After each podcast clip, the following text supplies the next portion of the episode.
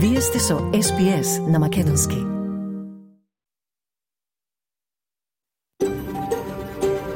SBS, a world of difference. You're with SBS Macedonian on mobile, online, and on radio. Вие сте со СПС на Македонски на мобилен, преку интернет и на радио.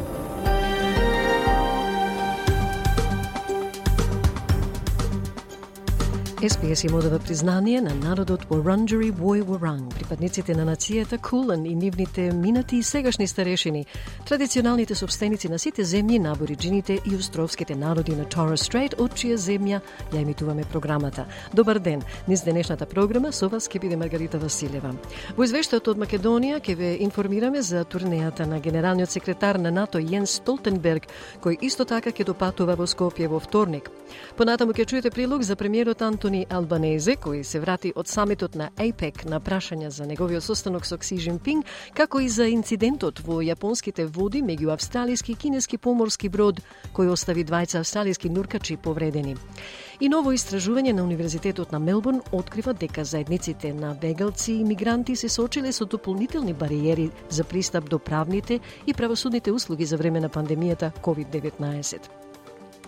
А во последниот дел од програмата ве носиме во светот на филмот со разговор од нашата архива со режисерот Горан Столевски. Неговиот филм Домакинство за почетници, што неодамна премиерно беше прикажан во Мелбурн, е кандидат на Македонија за наградата Оскар, а го отвори и 44-тото издание на Интернационалниот фестивал на филмска камера Браќа Манаки во Битола. Затоа останете со нас, сега следуваат вестите на денот со Радица Бојковска Димитровска. Радица повели. Благодарам Маргарита, добар ден и од мене.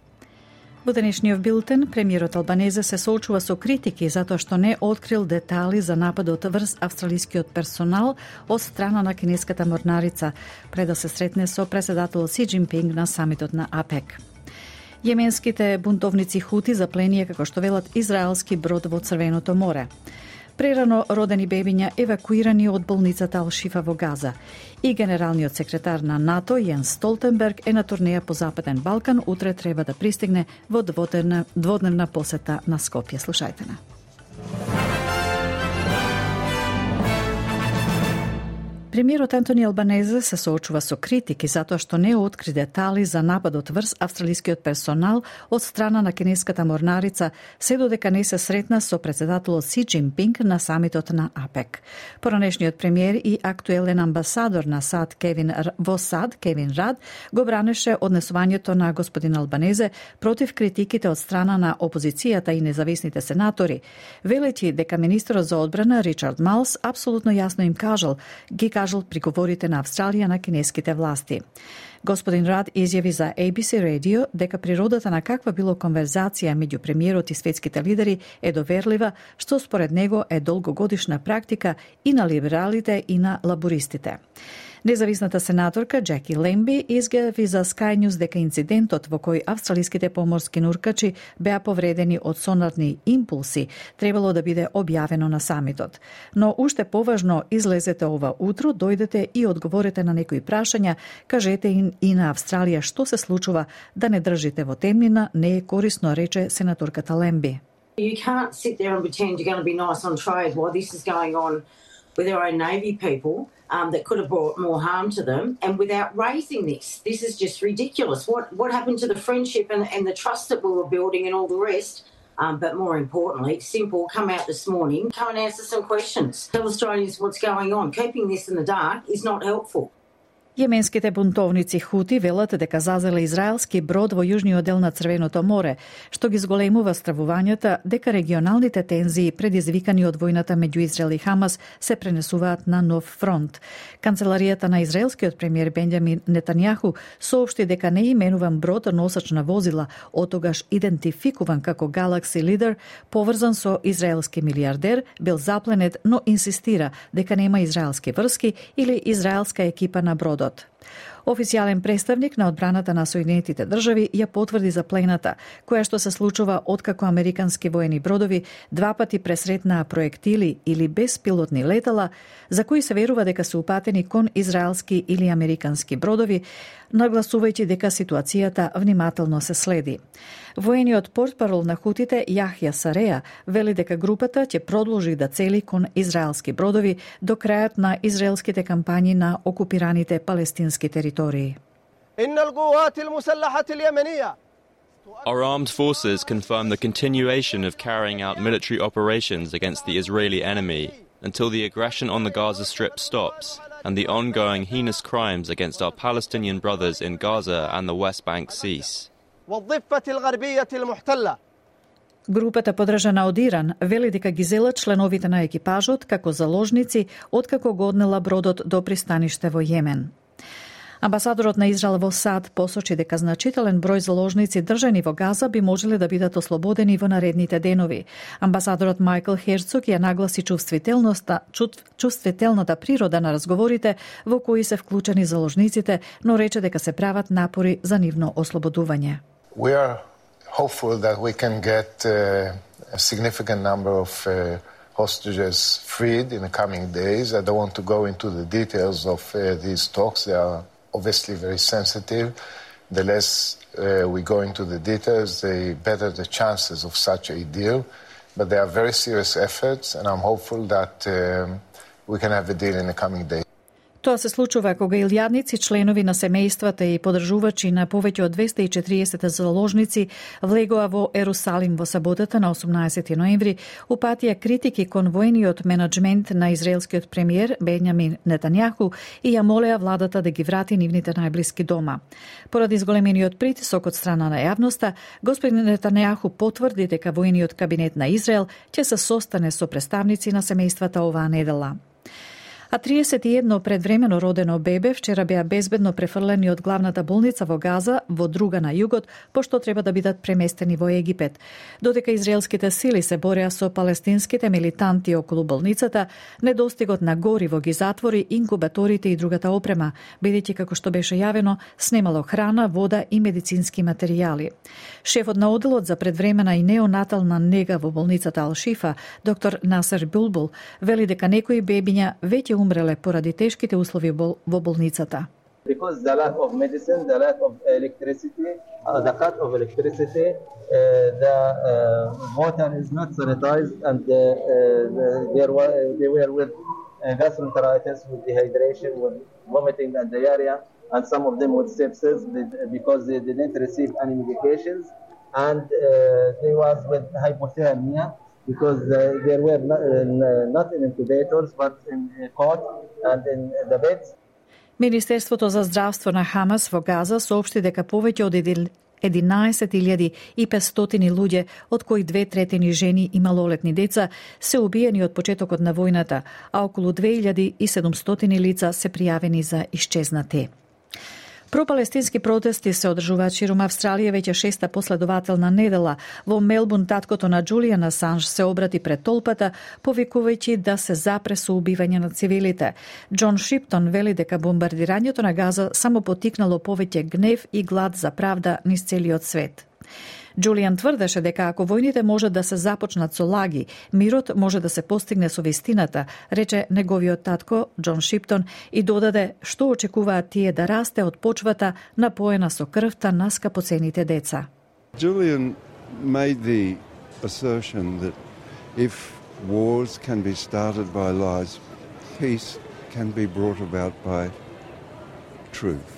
What do they expect to grow from soil watered with the blood of precious children. Сојузната влада повторно ја бранеше од својата одлука да не донесе закони за да се гарантира безбедноста на заедницата пред одлуката на Високиот суд, кој пресуди дека имиграцијски притвор на неопределено време е незаконски. Министерката за животна средина Тања Плиберсек вели дека владата одговорила ефективно и брзо колку што можела по одлуката со која веднаш беа ослободени 93 имигранти, некои осудени за тешки кривични дела, вклучително и силување и убиства.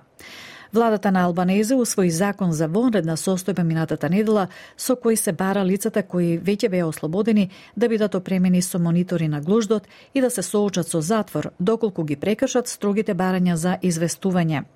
Господица Плигберсек изјави за Канал 7 дека владата била фокусирана на расправата против ослободувањето на имигрантите пред одлуката на Високиот суд. We were working very closely with the Australian Federal Police and uh, Australian Border Force to prepare for this eventuality, but you know we were very focused on trying to keep these people in immigration detention in the first place. Uh, and you know we've responded to the, the decision of the High Court as quickly and as effectively as we can. Генералниот секретар на НАТО Јенс Столтенберг отпатува за Сараево како прва етапа од неговата турнеја низ четири земји од Западниот Балкан, во чии рамки во вторник попладне ќе пристигне во дводневна посета на Скопје. Во среда предпладне предвидено е македонскиот премиер Ковачевски и Јенс Столтенберг во Скопје да се сретнат со лидерите на земите членки на НАТО од регионот, хрватскиот председател Зоран Милановиќ и премиерите на Албанија Еди Рама, на Словенија Роберт Голоб и на Црна Гора Милојко Спајич. Во меѓувреме, македонскиот председател Стево Пендаровски вели дека исходот од декемврискиот самит е јасен каков ќе биде, со оглед дека предусловот што Македонија го има во европската преговарачка рамка, ако е што не може да го исполни. Поради тврдиот став на опозицијата, ништо не се промени во таа насока и јасно е дека во декемврискиот самит не може да има позитивна одлука за нас, изјави председателот на државата Стево Пендаровски во одговор на новинарско прашање во врска со очекувањата од самитот на лидерите на Европската Европската унија за Западен Балкан, што ќе се одржи во декември. Исходот од декемврискиот самит е јасен како ќе биде, со дека предусловот го имаме во Европската преговарачка рамка, не можеме да го исполниме, тоа е очигледно. Тоа го зборувам година, година и пол наназад, бидејќи политичките реалитети беа такви во, во државата. Во меѓувреме, за жал, поради тврдиот став на опозицијата, ништо не се промени во таа насока. И јасно е дека на декемврискиот самит не може да има позитивна одлука за нас Во спортот, фудбалерот на Сокерус Грег Гудвин вели дека најдобриот начин на кој Сокерус можат да го почитуваат палестинскиот тим е да одиграат што е можно посилно во квалификациите за светското првенство во вторник. Надпреварот е преместен од првобитната локација на западниот брег во Кувајт поради ескалацијата на насилството во регионот. Сокерус веќе објавија дека планираат да донираат дел од хонорарите за надпревари за хуманитарни цели во Газа. Австралискиот тим ја започна својата квалификацијска кампања со импресивна победа од 7 спрема 0 над Бангладеш по Мелбурн минатата недела. А во тенисот најдобриот светски тенисер Новак Ѓоковиќ по седми пат го освои завршниот мастерс во сезоната со победата врз италијанецот Јаник Синер по 103 минути игра со 6 према 3, 6 према 3. Тоа беше седми триумф на Новак во деветото финале на последното надпреварување во сезоната. Исто така е седма титула во годината и 98 трофеи во сезоната, а по бројот на трофеи на ATP финалето го престигна Роджер Федерер.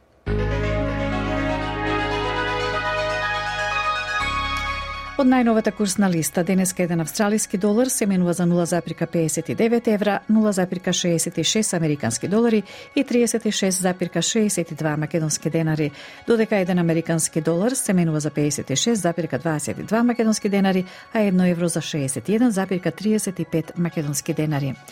Еве анако со и временската прогноза за главните градови за утре, Перт сончево со максимално до 36 степен, Аделаид делумно облачно максимално 24, Мелбурн услови за дожд 19, Хобарт делумно облачно 21, Камбера врнежливо со услови за бура максимална 26, Сиднеј услови за дожд 26, повремени врнежи за Бризбен 25, Дарвин претежно сончево 35, сончево се прогнозира и за Али Спрингс со максимално до 32 степени.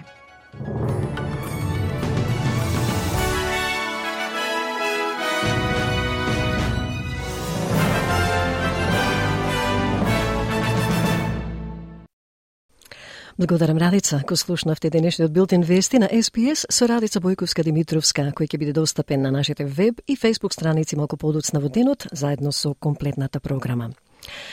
На СПС Аудио на Македонски со вас е Маргарита Василева, по неколку пораки следува извештајот од Македонија. Во денешниот извештај од Македонија ќе слушнете за турнејата на генералниот секретар на НАТО Јенс Столтенберг по Западен Балкан. Во вторник тој ќе допатува во Скопје на средби со државниот врв, а ќе се обрати и пред пратениците во собранието.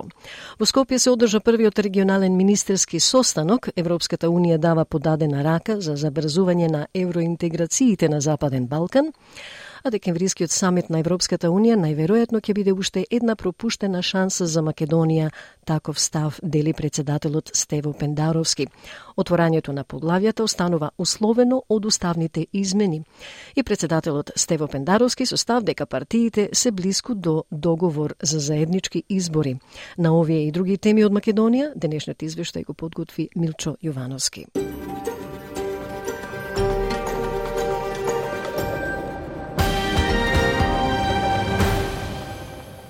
Генералниот секретар на НАТО Јен Столтенберг отпатува за Сараево како прва етапа од неговата турнеја низ четирите земји од Западниот Балкан, во чии рамки во вторник попладне ќе пристигне во Скопје. На средби со шепот на државата Стево Пендаровски, премиерот Димитар Ковачевски и со собранискиот председател Талат Джафери, а ќе се обрати и пред пратениците во собранието. Среда предплан е предвидено е Ковачевски и Столтенберг во Скопје да се сретнат со лидерите на земјите членки на НАТО од регионот, Хрватскиот председател Зоран Милановиќ и премиерите на Албанија Еди Рама, на Словенија Роберт Голоб и на Црнагора Милојко Спајич. Земите од регионот испраќа силна енергија и подготвеност за реализација на планот за раст на Западен Балкан. Министрите на Македонија, Србија, Црнагора, Ботна и Херцеговина, Косово и Албанија во Скопје се состана со генералниот директор на Директоратот за соседска политика и преговори за проширување. Отворија дискусија и ги дефинира основите за идните конкретни чекори за негова имплементација преку реформи за кои земите ќе добијат финансиска поддршка од цели 6 милиарди евра во наредните 4 години, а се тесно поврзани со проведување на реформите. Средствата, како што појаснија министерот за евроинтеграција Бојан Маричич и за финансии Фатмир Бесими, половина ќе бидат за буџетска поддршка, а половина од средствата за инвестиции. Ова е прв пат да имаме резервирани пари за реформите на овој начин. 6 милиарди евра за Западен Балкан, од кои скоро 860 милиони за на располагање за Северна Македонија. Популација од 4% сака да се приклучи на еден поголем пазар, при тоа нашата економија во моментот е помалку од 1% од тој пазар. Тие се многу поразвиени од нас, ние сакаме да го достигнеме тоа ниво, а имаме подадена рака за тоа го направиме. Стратегиите, земите од Западниот Балкан треба да ги достават до Брисел за околу три месеци, пошто тие треба да бидат усвоени од комисијата, а целиот план со се документите од Европскиот совет и Европскиот парламент. Представници на директоратот за проширување брифираат дека не очекуваат блокади на планот, и стратегиите на некои од земите членки. Доколку има блокада, тоа ќе ги засега сите земји од регионот, односно не се можни билатерални блокади на планот. Исходот од декемврискиот самит е јасен, каков ќе биде, со оглед дека предусловот го имаме во Европската преговарачка рамка, не можеме да го исполниме, тоа е очигледно. Во меѓувреме, за жал, поради тврдиот став на опозицијата, ништо не се промени во таа насока и јасно е дека на декемврискиот самит не може да има позитивна одлука за нас.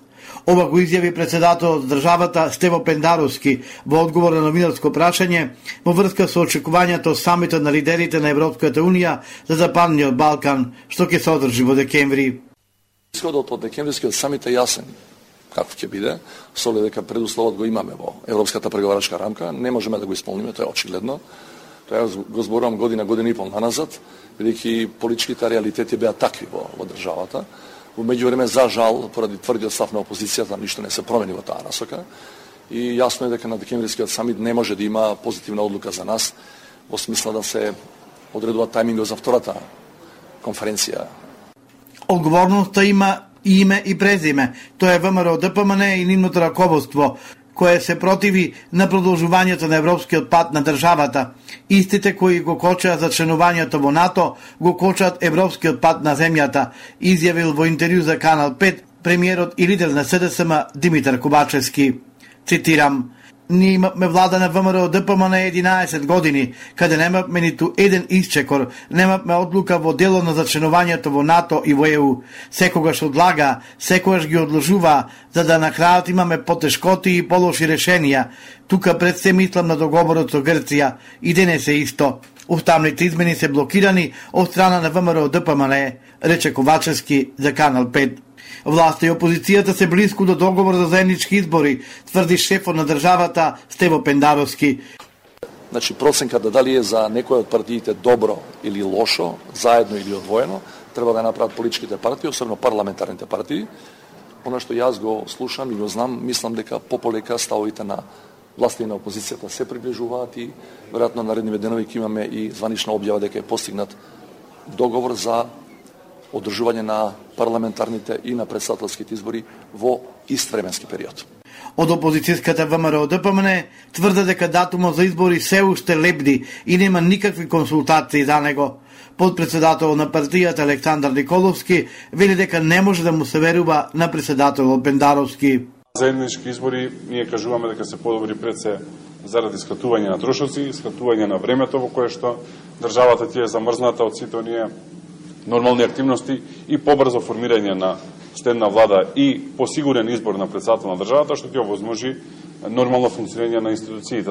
Граначалниците на ДПМН ги тресат серија скандали. За две години локална власт, граначалниците на ДПМН имаат нула резултати, но еден куп скандали, рече на прес портпаролката на СДСМ Богдан Какузеска. Додека Охрид тоне секој ден, Пецаков плови на екзотично крстарење заедно со секретарот на општината Охрид, но и други лица од неговиот кабинет. Нема одговор колку чини ова екзотично патување и на чија сметка крстари Пецаков. Градоначалникот на Кисела вода, Орце Георгиевски, јавноста го забележа на фотографија како носи луксузен часовник од околу 8000 евра. Општина Штип пак со ДПМНЕ ја тресе афера на кумско семејна врска за тендер вреден 20.000 евра. Со реакција од трибина на ВМРО ДПМН согласи градоначалникот на Штип Иван Јорданов. Не сме имали ние блокирана сметка која што би била изговор на предходните локални власти дека немале средства да го финансираат овој долг. Еве јас си го поставувам прашањето. Зошто, ако тие не го враќале овој долг, зошто јас имам обврска да ја вратам каматата која што тие ја направиле? Во најмала рака, наша обврска е да ја вратиме основната главнина, но не и каматата на неодговорното работење на некои предходници. По 7 години за дрешетки, осудените за собраниските настани од 27 април се уште чекаат правдата и велат дека неосновано издржуваат драконски казни затвор. Во проглас кој пред камерата на Алфа го прочита еден од осудените, Горан Ангелов Чосето, порачува дека се жртви на политички прогон, кои се уште се спроведуваат со несмален интензитет. Ако тогаш многу македонци бидат затворени во затворите и логорите на бившата Југославија за непријателска активност, Ние во 21 век во самостојна и независна Македонија да доживувавме да бидеме прогласени за непријатели на државата. Да живеавме формално да бидеме политички затвореници осудени за кривично дело против државата со најбезобзирно кршење на кривичното законодавство. Осудените за собраниските настани од 27 април прашуваат дали Македонија може да оди напред додека не се расчистат актерите во полицијата обвинителството и судството кои ги злоупотребиле настаните од 27 април за да спроведат лична политичка агенда. Порачуваат дека не сака никаква амнестија, пренесе Алфа ТВ. Старото училиште Димитар Влахов во преспанското село Љубојно ќе се реконструира и ќе се адаптира со 32,8 милиони денари. Овие средства во буџетот на Министерството за култура ќе бидат обезбедени во 2024 и во 2025 година. Министерката за култура Бисера Костадиновска Стојчевска нагласи дека идејата е овој значаен објект каде се обивала настава на македонски јазик да стане собиралиште на лингвисти, педагози, наставници и професори по македонски јазик и да остане како паметник за генерациите по нас дека темелите на ова здание се всушност историски темели на образованието на мајчин македонски јазик, толбот на нашиот идентитет со намалувањето на ковид пандемијата и зголемувањето на тестирањата за сексуално преносливи болести на инфективната клиника последниве години биле забележани 40 до 50 нови случаи на позитивни пациенти на ХИВ вирусот. Таа бројка расте годинава, со откриени 46 нови хив позитивни, од кои повеќето се од машката популација. Се променил и трендот на хив инфицирани годинава, од доминантно моминатото кај хомосексуалците, сега кај хетеросексуалните мажи, вели доктор Велимир Савески.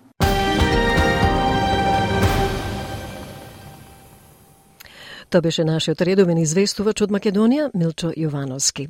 Доколку сакате да слушате и други приноси, посетете ја нашата Facebook страница, побарете на SPS Macedonian или на нашата веб страница sps.com.au Macedonian. Таму ќе најдете интервјуа и видеоклипови на разни теми. По неколку информативни пораки од СПС ке преминеме и на локални и светски теми, а подоцна и на разговорот со македонскиот режисер Горан Столевски кој живее и работи во Австралија. Тој разговор од нашата архива. Продолжуваме со светски актуелности овде на SPS Audio со вас е Маргарита Василева. Премиерот Антони Албанезе се врати од самитот на АПЕК на прашања за неговиот состанок со Кси Жинпинг. Ова се случува откако инцидент во јапонските води меѓу австралиски и кинески поморски брод остави двајца австралиски нуркачи повредени, со што се тестираат односите на владата со Кина.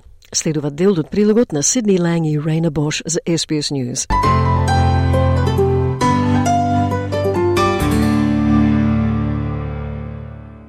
Премиерот се соочува со прашања по неговото враќање од дипломатско патување во Калифорнија. Прашањата се однесуваат на деталите за инцидент во кој кинески воен брод остави неколку австралиски поморски нуркачи повредени во вторникот на 14 ноември. Премиерот Албанезе го прашуваат дали го покренал инцидентот за време на неговата средба со кинескиот председател Си Жинпинг, која премиерот ја опиша како многу успешна. Инцидентот се случил во ексклузивните економски зони на Јапонија, кога бродот на австралиската морнарица HMAS Toowoomba наишол на уништувач на Народно-ослободителната војска и морнарицата. Норкачите се повредени при обид да ги отплеткаат рибарските мрежи од пропелерите и покрај пораките со кои се бараше од блиските бродови да се оддалечат од норкачите, кинескиот воен брод се приближи премногу, додека управуваше со сонар подвода, при што беа повредени норкачите. Опозицијата прашува зошто пет дена се криеле деталите за инцидентот додека премиерот се сретнал со председателот КСИ. Министерот за внатрешни работи во Сенка, Джеймс Патерсон, го покрена ова прашање во програмата Insiders на ABC. Господинот Патерсон изјави дека кога станува збор за сложените и важни билатерални односи со Народна република Кина, треба да ги погледнеме постапките на кинеската влада, а не само нивните зборови. I think when it comes to our very complex and important bilateral relationship with the People's Republic of China, that we really have to look at the actions of the Chinese government, not just their words. It's pretty fundamental things like this, which was an active decision by the People's Libera Liberation Army Navy to put Australian Navy personnel in harm's way and cause harm to them that we should be really judging the Chinese government by. Вршителот на должноста премиер и министер за одбрана Ричард Малс го нарече инцидентот небезбеден и непрофесионален и додаде дека премиерот допрва треба да се занимава со ова прашање.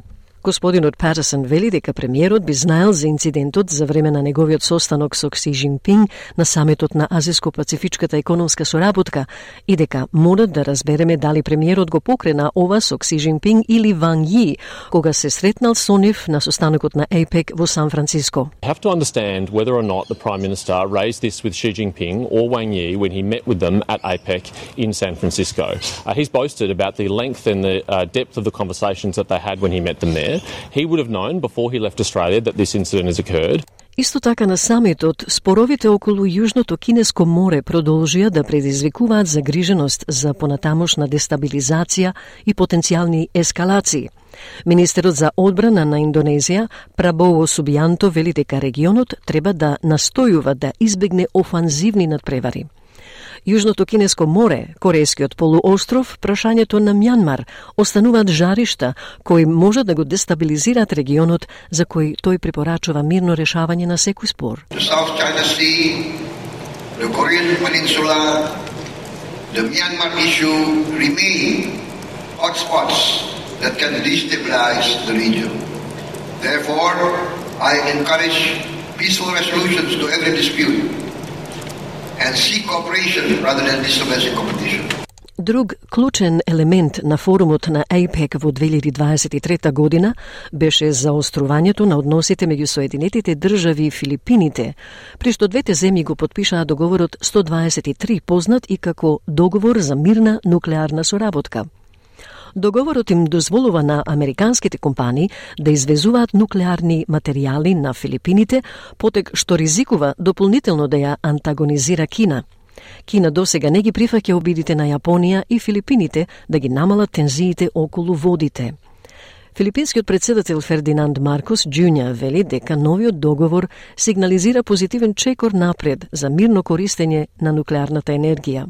Господинот Маркос изјави дека нуклеарната енергија ќе стане дел од филипинскиот енергетски микс до 2032 година и дека земјата би била повеќе од среќна да го следи овој пат со Соединетите држави како еден од своите партнери.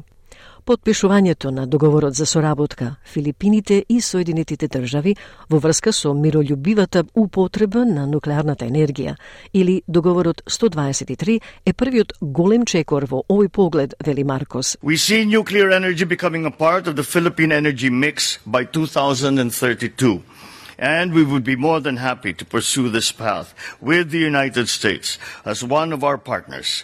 The signing of the Philippine United States Agreement for Cooperation concerning peaceful uses of nuclear energy, or the 123 Agreement, is the first major step in this regard. И додека имаше извештај за поделеноста меѓу лидерите на Пацификот во однос на нивните ставови кон Газа и Украина, групата сепак се договори дека ќе го подржи реформирањето на Светската трговска организација. Прилог на Сидни Ланг и Рейна Бош за SBS News. SBS. SBS. SBS. SBS. SBS. SBS. SBS Radio. Слушате SBS Audio на македонски. Со вас е Маргарита Василева. Ново истражување на Универзитетот на Мелбурн открива дека заедниците на бегалци и мигранти се соочиле со дополнителни бариери за пристап до правните и правосудните услуги за време на пандемијата COVID-19. Наодите покажуваат зголеменото полициско присуство, комбинирано со јазичните бариери и различниот третман на мигрантските и бегалските заедници се влоши поради долгите заклучувања во Викторија. Од прилогот на Сидни Ланг за SBS News.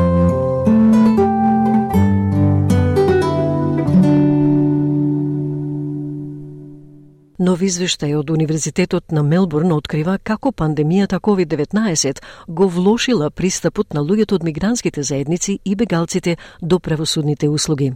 Извештајот открива дека бариерите како што се изолацијата и стигмата се влошени со заклучувањето, што го прави пристапот до правна поддршка и услуги уште поголем предизвик за бегалците и мигрантите.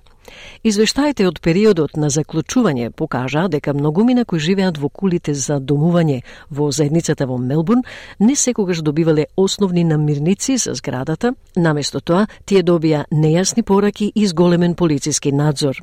Авторот на извештајот е професор по социоправни студии и шеф за обштествени политички науки на Универзитетот на Мелбурн, Дженефа Балант. Професорката Балант вели дека предвремените заклучувања на висококатниците за домување во заедницата во Мелбурн биле еден од клучните неуспеси што ги нашле едноставни работи како неуспехот да се користат преведувачи, начинот на кој заедниците беа изолирани од давателите на услуги, надзорот на заедниците во тоа време и друго, вели професорката Беланд. Really simple things like a failure to use interpreters well in that situation, which is really surprising still that that was not done well. The way in which communities were isolated from providers, the surveillance of communities at that time, the really differential treatment that was given, that community organisers and community leaders were not included when, and had to actually push their way into the decision making forum. Траумата и стравот околу ангажманот со органите за спроведување на законот, особено во време на зголемено полициско присуство, исто така беа наведени како фактор што придонесува кон бариерите. Професорката Балент вели дека прашањата представени во извештајот веќе биле предизвик за овие заедници и едноставно биле влошени од пандемијата. These were really long-standing barriers that just became more visible, um, not necessarily more visible to those experiencing them, to those who really were, were unaware. And in addition, what was also really key finding was that when partnership and collaboration were followed, um, things worked a lot better. So, what was really interesting uh, and really telling was that for a range of providers, they recognised that the way that they'd been working with communities was not working. Uh, they needed to divest control, they needed to collaborate, they needed to value community expertise, and they needed to centre that expertise. Извештаот исто така покажа дека условите во притвор биле влошени за време на заклучувањето на пандемијата, при што забележителниот случај на бегалци и баратели на азил биле ставени во карантин во притворниот објект Park Hotel во Мелбурн. Хотелот го привлече вниманието на јавноста откако избувнувањето на COVID-19 ги зафати жителите, од кои многумина имаа основни здравствени состојби, беа невакцинирани и беа заробени во она што некои активисти за заштита на правата на бегалците го нарекоа инкубатор за COVID. Адвокатот за човекови права и извршен директор на правниот центар за бегалци, Дейвид Ман, вели дека пораката во тоа време била дека сите сме заедно во ова.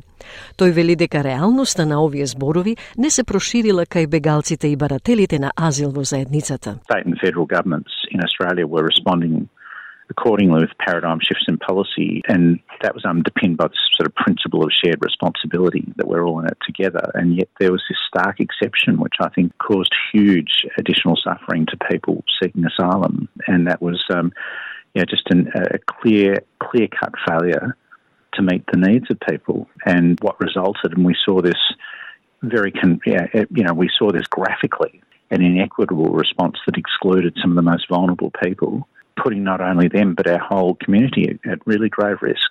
Извештајот исто така открива дека луѓето во бегалските имигрантските заедници кои се соочуваат со семејно насилство биле повеќе изложени на ризик во текот на пандемијата, често пати затворени со сторителите на нивната злоупотреба. Нивната ситуација била влошена од непристапноста на правните и услугите за поддршка. Многумина во ситуации на семено насилство останаа да се чувствуваат како да нема други опции освен да останат. Меѓу препораките на извештајот е клучната идеја дека соработката и партнерството со заедниците се необходни за да се разберат кои бариери постојат и што може да се направи за да се отстранат. Професорката Балент вели дека пристапот и до социјална и правна поддршка треба да им се овозможи на сите. Таа вели критично е да се разбере дека лоцирањето на правните услуги во социјален контекст е навистина критично. Our second recommendation was really understanding that um, we can't understand the legal in isolation, that legal and social problems are interconnected and and how important it is to understand that justice is very much connected more broadly, that someone might come with a legal problem, but it also can be connected to housing, to employment, to isolation, to senses of belonging. So really understanding that the local and local legal locating legal solutions within social context is really critical. InTouch е мултикултурен центар кој се занимава со семејно насилство со седиште во Мелбурн. Организацијата е интегрирана услуга која нуди комплетна услуга за мигрантите и бегалците кои се соочуваат со семејно насилство. Главниот адвокат на In Touch, Ајсела Сишковиќ, вели дека нивните клиенти живееле во страв, а некои премногу се плашеле да побараат помош поради страв дека ќе ја загубат својата виза. Not all of our clients could reach us because they lived in fear. And you have to understand our service I think 40% of our clients are on temporary visas. So there's that other layer of fear that if I seek help or if I go somewhere, I might lose my visa. And so that's the underlying sort of sort of disadvantage or barrier that our clients have is that sort of that visa abuse, uh, you know, they're on temporary visas. And then you add on to that the cultural and the language disadvantage that they have. Um, during the lockdown was just really, really difficult for our clients. Раша Абас, шеф на организацијата InTouch, вели дека системот е сложен дури за оние без јазична бариера, а камоли за неодамнешните мигранти. Not only you have a language barrier. It's actually quite a complex landscape we have in the sector. It's actually not easy even for someone who speaks the language very well and is highly educated. So imagine when you are like recently migrated, uh, living under those circumstances, have a language barrier. The complexity of the system is like it's significant and it's another significant barrier. Od na Sydney Lang za SBS News.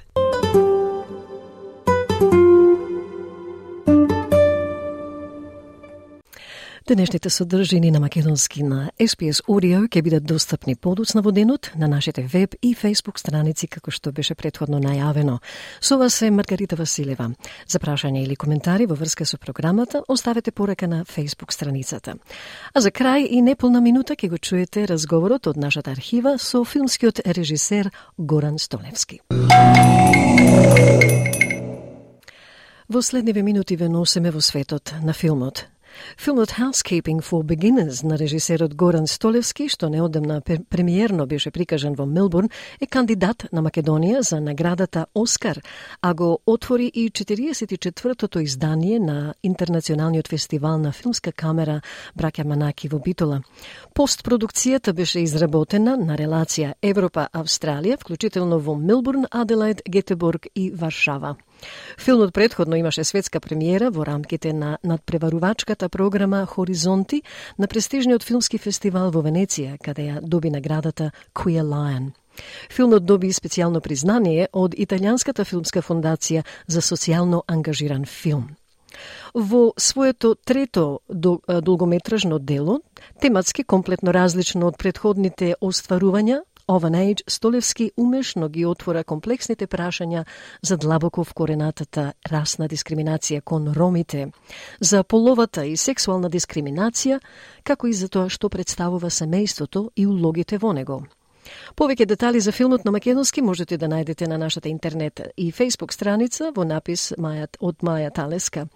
Таа исто така разговараше со талентираниот филмаджи од Милбурн за неговиот прв филм Of an Age, кој што ја финансираше и австралиската и светската филмска критика.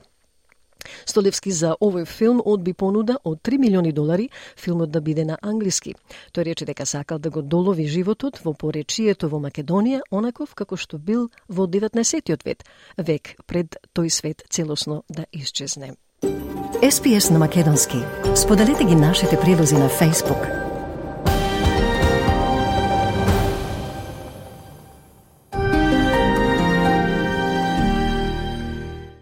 А македонскиот диалект во кој што зборуваат, е, тој е исто така детално истражуван да биде поврзан со северно-поречкиот и полошкиот диалект од тој период, заради таа тема да се долови нешто како што било да секојдневието и да се задржи, затоа што овој филм може да се гледа за 100 години и луѓе да знаат како се живеело во Порече во 19 век. И моментално имаме многу малку дела кои што го фаќаат тој период и било кој наш историски период на некој реален начин кој што го прикажува секојдневието И заради тоа ми беше важно да бидам што колку што може веродостоен на тоа како се живеело на времето. Секоја чест. Освен македонската актерка Сара Климовска, со која ти соработуваше и на краткиот филм што беше награден на Sundance, трансформациите на главниот лик Невена во филмот, како и Марија вториот водечки лик ги глумат странски актери од различни држави, од Австралија, Шведска, Романија, Франција и некои од нив глумат всушност на македонски. Колку беше деликатно да се изведе сето тоа со толку интернационален кастинг? Беше комплицирано, ама да бидам искрен, диалектот во кој што се зборува во филмот е толку комплициран за денешните македонци и од Скопје, што... Да ти од ајде, ќе последочам. Тоа што моравме, гледајќи го на кино, да го читаме англискиот subtitle, за да можеме да сватиме. Да, па да, ми беше важно, како што рекоа, да се залови тоа нешто, што, например, тој диалект, тие зборови ки и би исчезнале сосема од, од секаде, едноставно ако не ги задржиме на овој начин, во некакво уметничко дело. И затоа ми беше важно да ги доловиме. Сара е од Струшко потекло и од Охриджанско и, и едноставно тоа што не беше од Скопје, како мене, што имаше искусено некои диалекти кои што слушат различни од тоа што е стандардно во Скопје и дури во поголемиот дел на Македонија, го имаше тој слух и осет и заедно работевме да го запознаеме тој диалект многу детално да звучи природно во филмот. И после таа ми помогна како се вика тоа диалог коуч, значи таа ги тренираше сите глумци не само французите и португалците, туку исто така и македонците и србите, да. зборуваат на еден као стандарден начин за тоа. А исто така, како што реков, има во филмот влашки, и многу малку исто и српски. Српскиот не беше толку проблематичен. Вториот главен лик Марија е Влаенка, уствари во филмот. Така да глумицата Ана Марија Маринка глуми и на влашки и на македонски во филмот. Така да веројатно таа имаше најтешката задача, ама таа е врна глумица. Уствари таа исто така и главната глумица во овој третиот филм што го монтирам. Фара повторно глуми во со неа и повторно ни глуми на македонски. Пак во Скопје. Ама веќе е уходана во тоа, така да се сногаме без проблем деновива.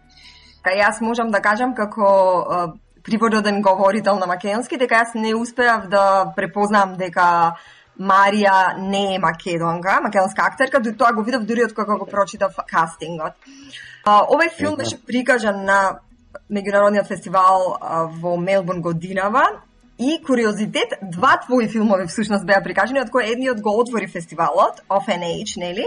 И кој што не само што го отвори, туку на Cinefest Ос во Западна Австралија ја освои една од највисоките парични награди во индустријата, вредна 100.000 долари. Приказна за геј романса лоцирана во Мелбурн во 1999 година. Спомена дека што туку се вради од Македонија каде што го сними Housekeeping for Beginners, третиот филм. Зашто се работи во тој филм? Што е темата? Едноставно речено за жена во Македонија, често партнерка умира и, и остава две керки да ги гледа, а партнерката е ромка. И девојчињата воопшто не сакаат да им биде мајка, а таа воопшто не сака исто така да им биде мајка.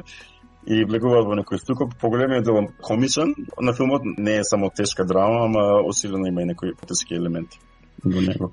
Значи се случува во современа Македонија општество кое што не може баш да се пофали особено ако го споредиме со Австралија, по својата толеранција кон различните. Може ли уметноста според тебе да влија, да ја промени реалноста? Очекуваш ли твоите филмови да го направат тоа барем во еден мал сегмент? Ја не знам дали сум толку идеалист. Мене е поважно да правам филмови што се интересни за гледање. Идеологијата моја очекувам дека сама ќе се најде во, во филмот, ама поважно ми е да правам филмови приказни што се интересни за гледање, за било кого, не само за толерантни и нетолерантни луѓе. А, мислам дека најновиот филм би бил смешен и интересен и допирлив за, за било кој да гледа.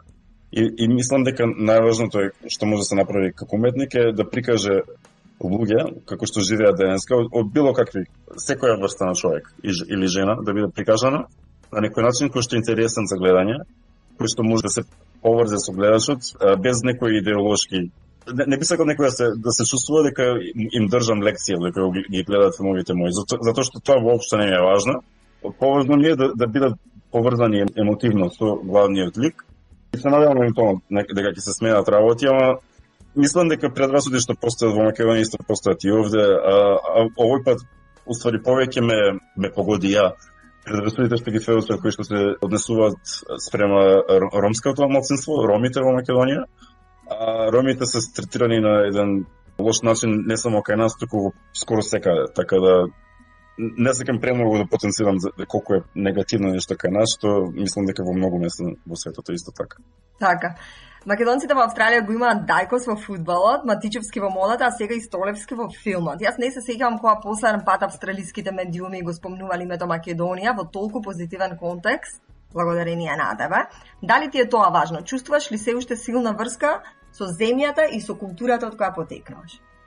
Не знам како да го одговорам. Мислам дека тоа е нешто автоматски, мислам. Очигледно сум роден таму. Кога зборувам македонски, зборувам без акцент. Секој друг јазик да го зборувам со акцент, така да што како ја да, да се изјаснам или да се идентификувам, едноставно нема некоја логика, затоа што реалност е таа што е. Јас се, се чувствувам близок не само кон Македонија, туку ни кон целиот тој Балкан. Се осеќам близок и спрема босанци, албанци, срби, што знам што речам. А, ама да се чувствувам различен од повеќето абстракци кои што немаат некоја нишка или врска со Европа. Тоа секако може да го кажам и го ценам доста тоа што сум имал таква прилика во животот да живеам и како македонец и австралијанец по двете места.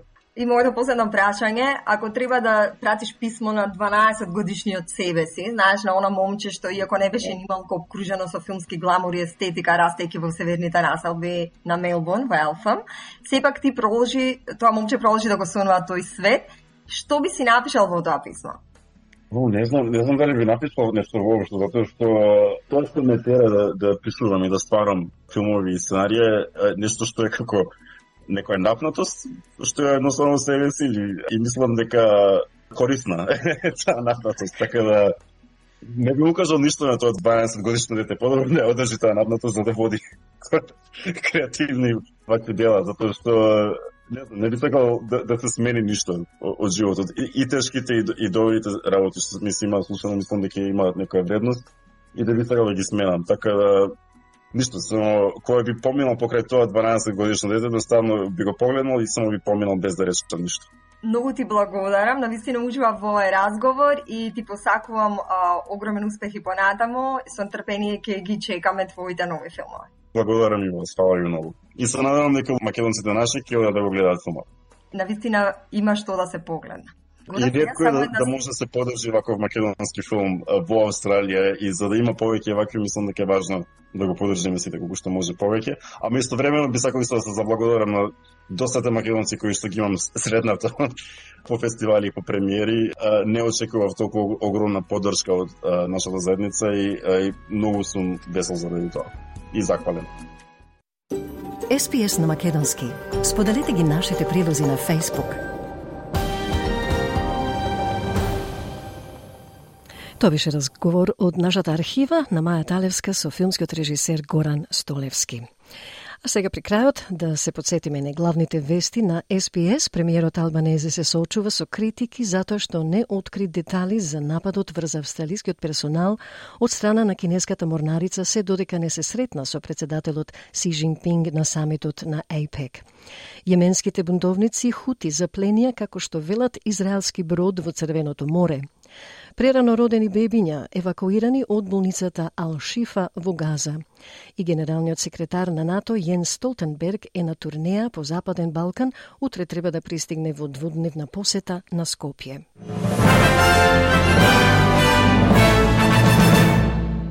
И тоа е се за денеска, почитувани слушатели. Ви благодарам на вашето внимание. Доколку имате коментар, оставете порака на Facebook страницата. Ве очекуваме повторно утре на SPS Audio за следната емисија на Македонски. А до тогаш од Маргарита Василева, пријатно попладне и до слушање до утре. Стиснете, ми се допаѓа, споделете, коментирајте. Следете ја SPS на Македонски на Facebook.